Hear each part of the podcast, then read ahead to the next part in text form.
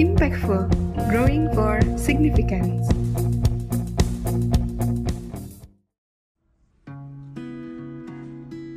Halo sahabat pemimpin, di mana pun Anda berada, kembali bersama dengan saya Sunjo Yosu Dan hari ini saya punya satu tamu yang sangat luar biasa Beliau adalah Pius Wiranata Beliau adalah sahabat saya ketika sedang kuliah S1 di Fakultas Bisnis Universitas Kristen Maranatha. Hari ini masih tetap bersama dengan saya di episode ini Kita akan kupas di podcast Impactful, Growing for Significant. Ada satu pernyataan yang saya ingat dikatakan bahwa people don't care how much you know until they know how much you care. Orang itu tidak peduli seberapa banyak Anda mengetahuinya, tapi mereka peduli kepada Anda yang sangat memberikan perhatian kepada mereka. Dan ini adalah satu kunci. Kemudian tadi saya suka sekali ketika berangkat dari Palembang. Saya asal Jambi, Pak Pius asal Palembang. Dengan seadanya, dibekali ransel dengan isi untuk hanya untuk survive. Dengan support keuangan juga sangat terbatas. Tetapi di tengah-tengah pasti ada naik turun. Pada saat naik turun seperti itu, apa yang Pak Pius lakukan untuk bisa bangkit kembali? Kan tidak semuanya hidup itu menanjak. Biasa kadang-kadang kita turun. Bisa share sedikit Pak Pius? Ya, waktu itu juga memang keuangan dari orang tua juga memang ada kendala lah ya faktor keluarga cuman memang disupport oleh kakak perempuan saya ya yang saya coba lakukan bagaimana survive itu segala cara ya kita waktu itu saya ingat jualan sweater mungkin satu sweater itu untuk 30-40 ribu. Saya jalanin. Intinya kalau kita setia dalam perkara kecil pasti perkara besar kita akan dipercayakan. Sampai jualan coklat di tempat kantor asuransi. Saya ngambil barangnya itu dari teman saya teman saya itu orang Prabu Muli namanya Pak Ferdi. Sekarang masih tinggal di Prabu Muli. Dia itu masukin coklat itu dari Australia kalau nggak salah.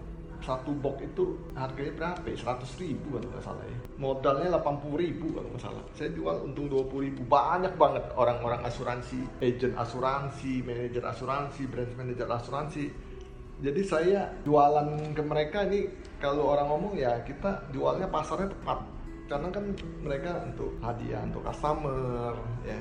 Nah dari sana saya dikirim berdus-dus jualan coklat kayak wafer kayak bembeng nggak salah. Sedikit demi sedikit saya kumpulin uang itu. Ya kumpulin terus juga jualan asuransi sampai jual ke Palembang disupport oleh orang tua saya. Dianterin customer ke orang tua saya. Akhirnya singkat kata jualan asuransi ke Palembang dalam satu tahun saya bisa dapat reward ke Amerika. Karena dengan ketekunan kita dan juga support orang tua itu penting banget. Karena waktu saya masuk asuransi jiwa itu waktu training selama satu bulan saya di di apa ya kalau orang ngomong dielulukan ini kayaknya orang ini cukup ber, bisa, bisa bisa berhasil. Ternyata dalam satu dua bulan itu saya nggak berhasil saya sempat frustasi tapi saya dikuatkan oleh orang tua saya yang pertama kali masuk asuransi itu yang beli orang tua saya. Hmm. akhirnya dari asuransi pertama polis yang dibeli papa saya ini yang bisa mengeluarkan banyak customer di Palembang. Sampai saya jualan asuransinya namanya single premium ini bisa membuat Astra waktu itu namanya Astra Jar Astra Jardin. Itu bisa jadi rekor. Karena jualannya itu saya single premium bayar asuransinya sekali. Jadi saya lihat peluang. Peluangnya apa? Orang asuransi udah banyak yang jualan tapi saya jual produk yang nggak pernah orang jual. Malahan yang menurut orang apa benar orang mau beli asuransi sekali bayar 100 juta 500 juta? Tapi saya balikkan. Ternyata itu potensi. Akhirnya saya jualan polis dengan pembayaran sekali ini cukup mencengangkan manajemen sampai manajemen Astra pun membuka cabang di Palembang sampai kalau nggak salah kompetitor kalau nggak salah Sewu New York Life itu pun saya nama saya bisa terdengar di Palembang. Sampai ada salah satu branch manajernya mau merekrut saya. Karena ya kalau kitanya berhasil kompetitor tuh pasti akan neropong kita. Ini orang bisa dipajak atau enggak. Tapi saya enggak. Saya tetap waktu itu di Astra CMG itu sambil kuliah sambil kerja sambil saya juga bisa nabung ya akhirnya saya masuk kerja di asuransi 94 terus 97 nya saya kerja di Auto 2000 meniti karir. Jadi hampir kurang lebih 20 tahun lebih saya ada di otomotif ini. Ya paling penting kita itu kalau kerja itu nggak boleh banyak pindah-pindah. Karena kalau kita pindah-pindah kerja customer itu akan bingung. Nah, waktu itu kan kerja yang zaman kuliah itu yang memungkinkan asuransi karena bisa part time tapi kalau kerja di tempat lain pasti nggak akan terima. Nah saya coba mencoba di dunia asuransi ternyata ya boleh dikatakan cukup berhasil. Dapat reward juga ke Amerika. Orang yang paling muda umur berapa itu saya? Bisa terbang naik Singapore Airlines sama direksi Astra namanya Pak Suparno Jasmin Pak Abong nah itu yang memberikan saya satu spirit bahwa Pak Abong ini juga orang Kalimantan orang daerah. Sampai saya jualan saya pernah dikasih uang jajan oleh beliau. 2 juta atau 3 juta. Ini please untuk kamu nih nambah-nambah kuliah. Nah ini yang membuat spirit saya bisa bertahan.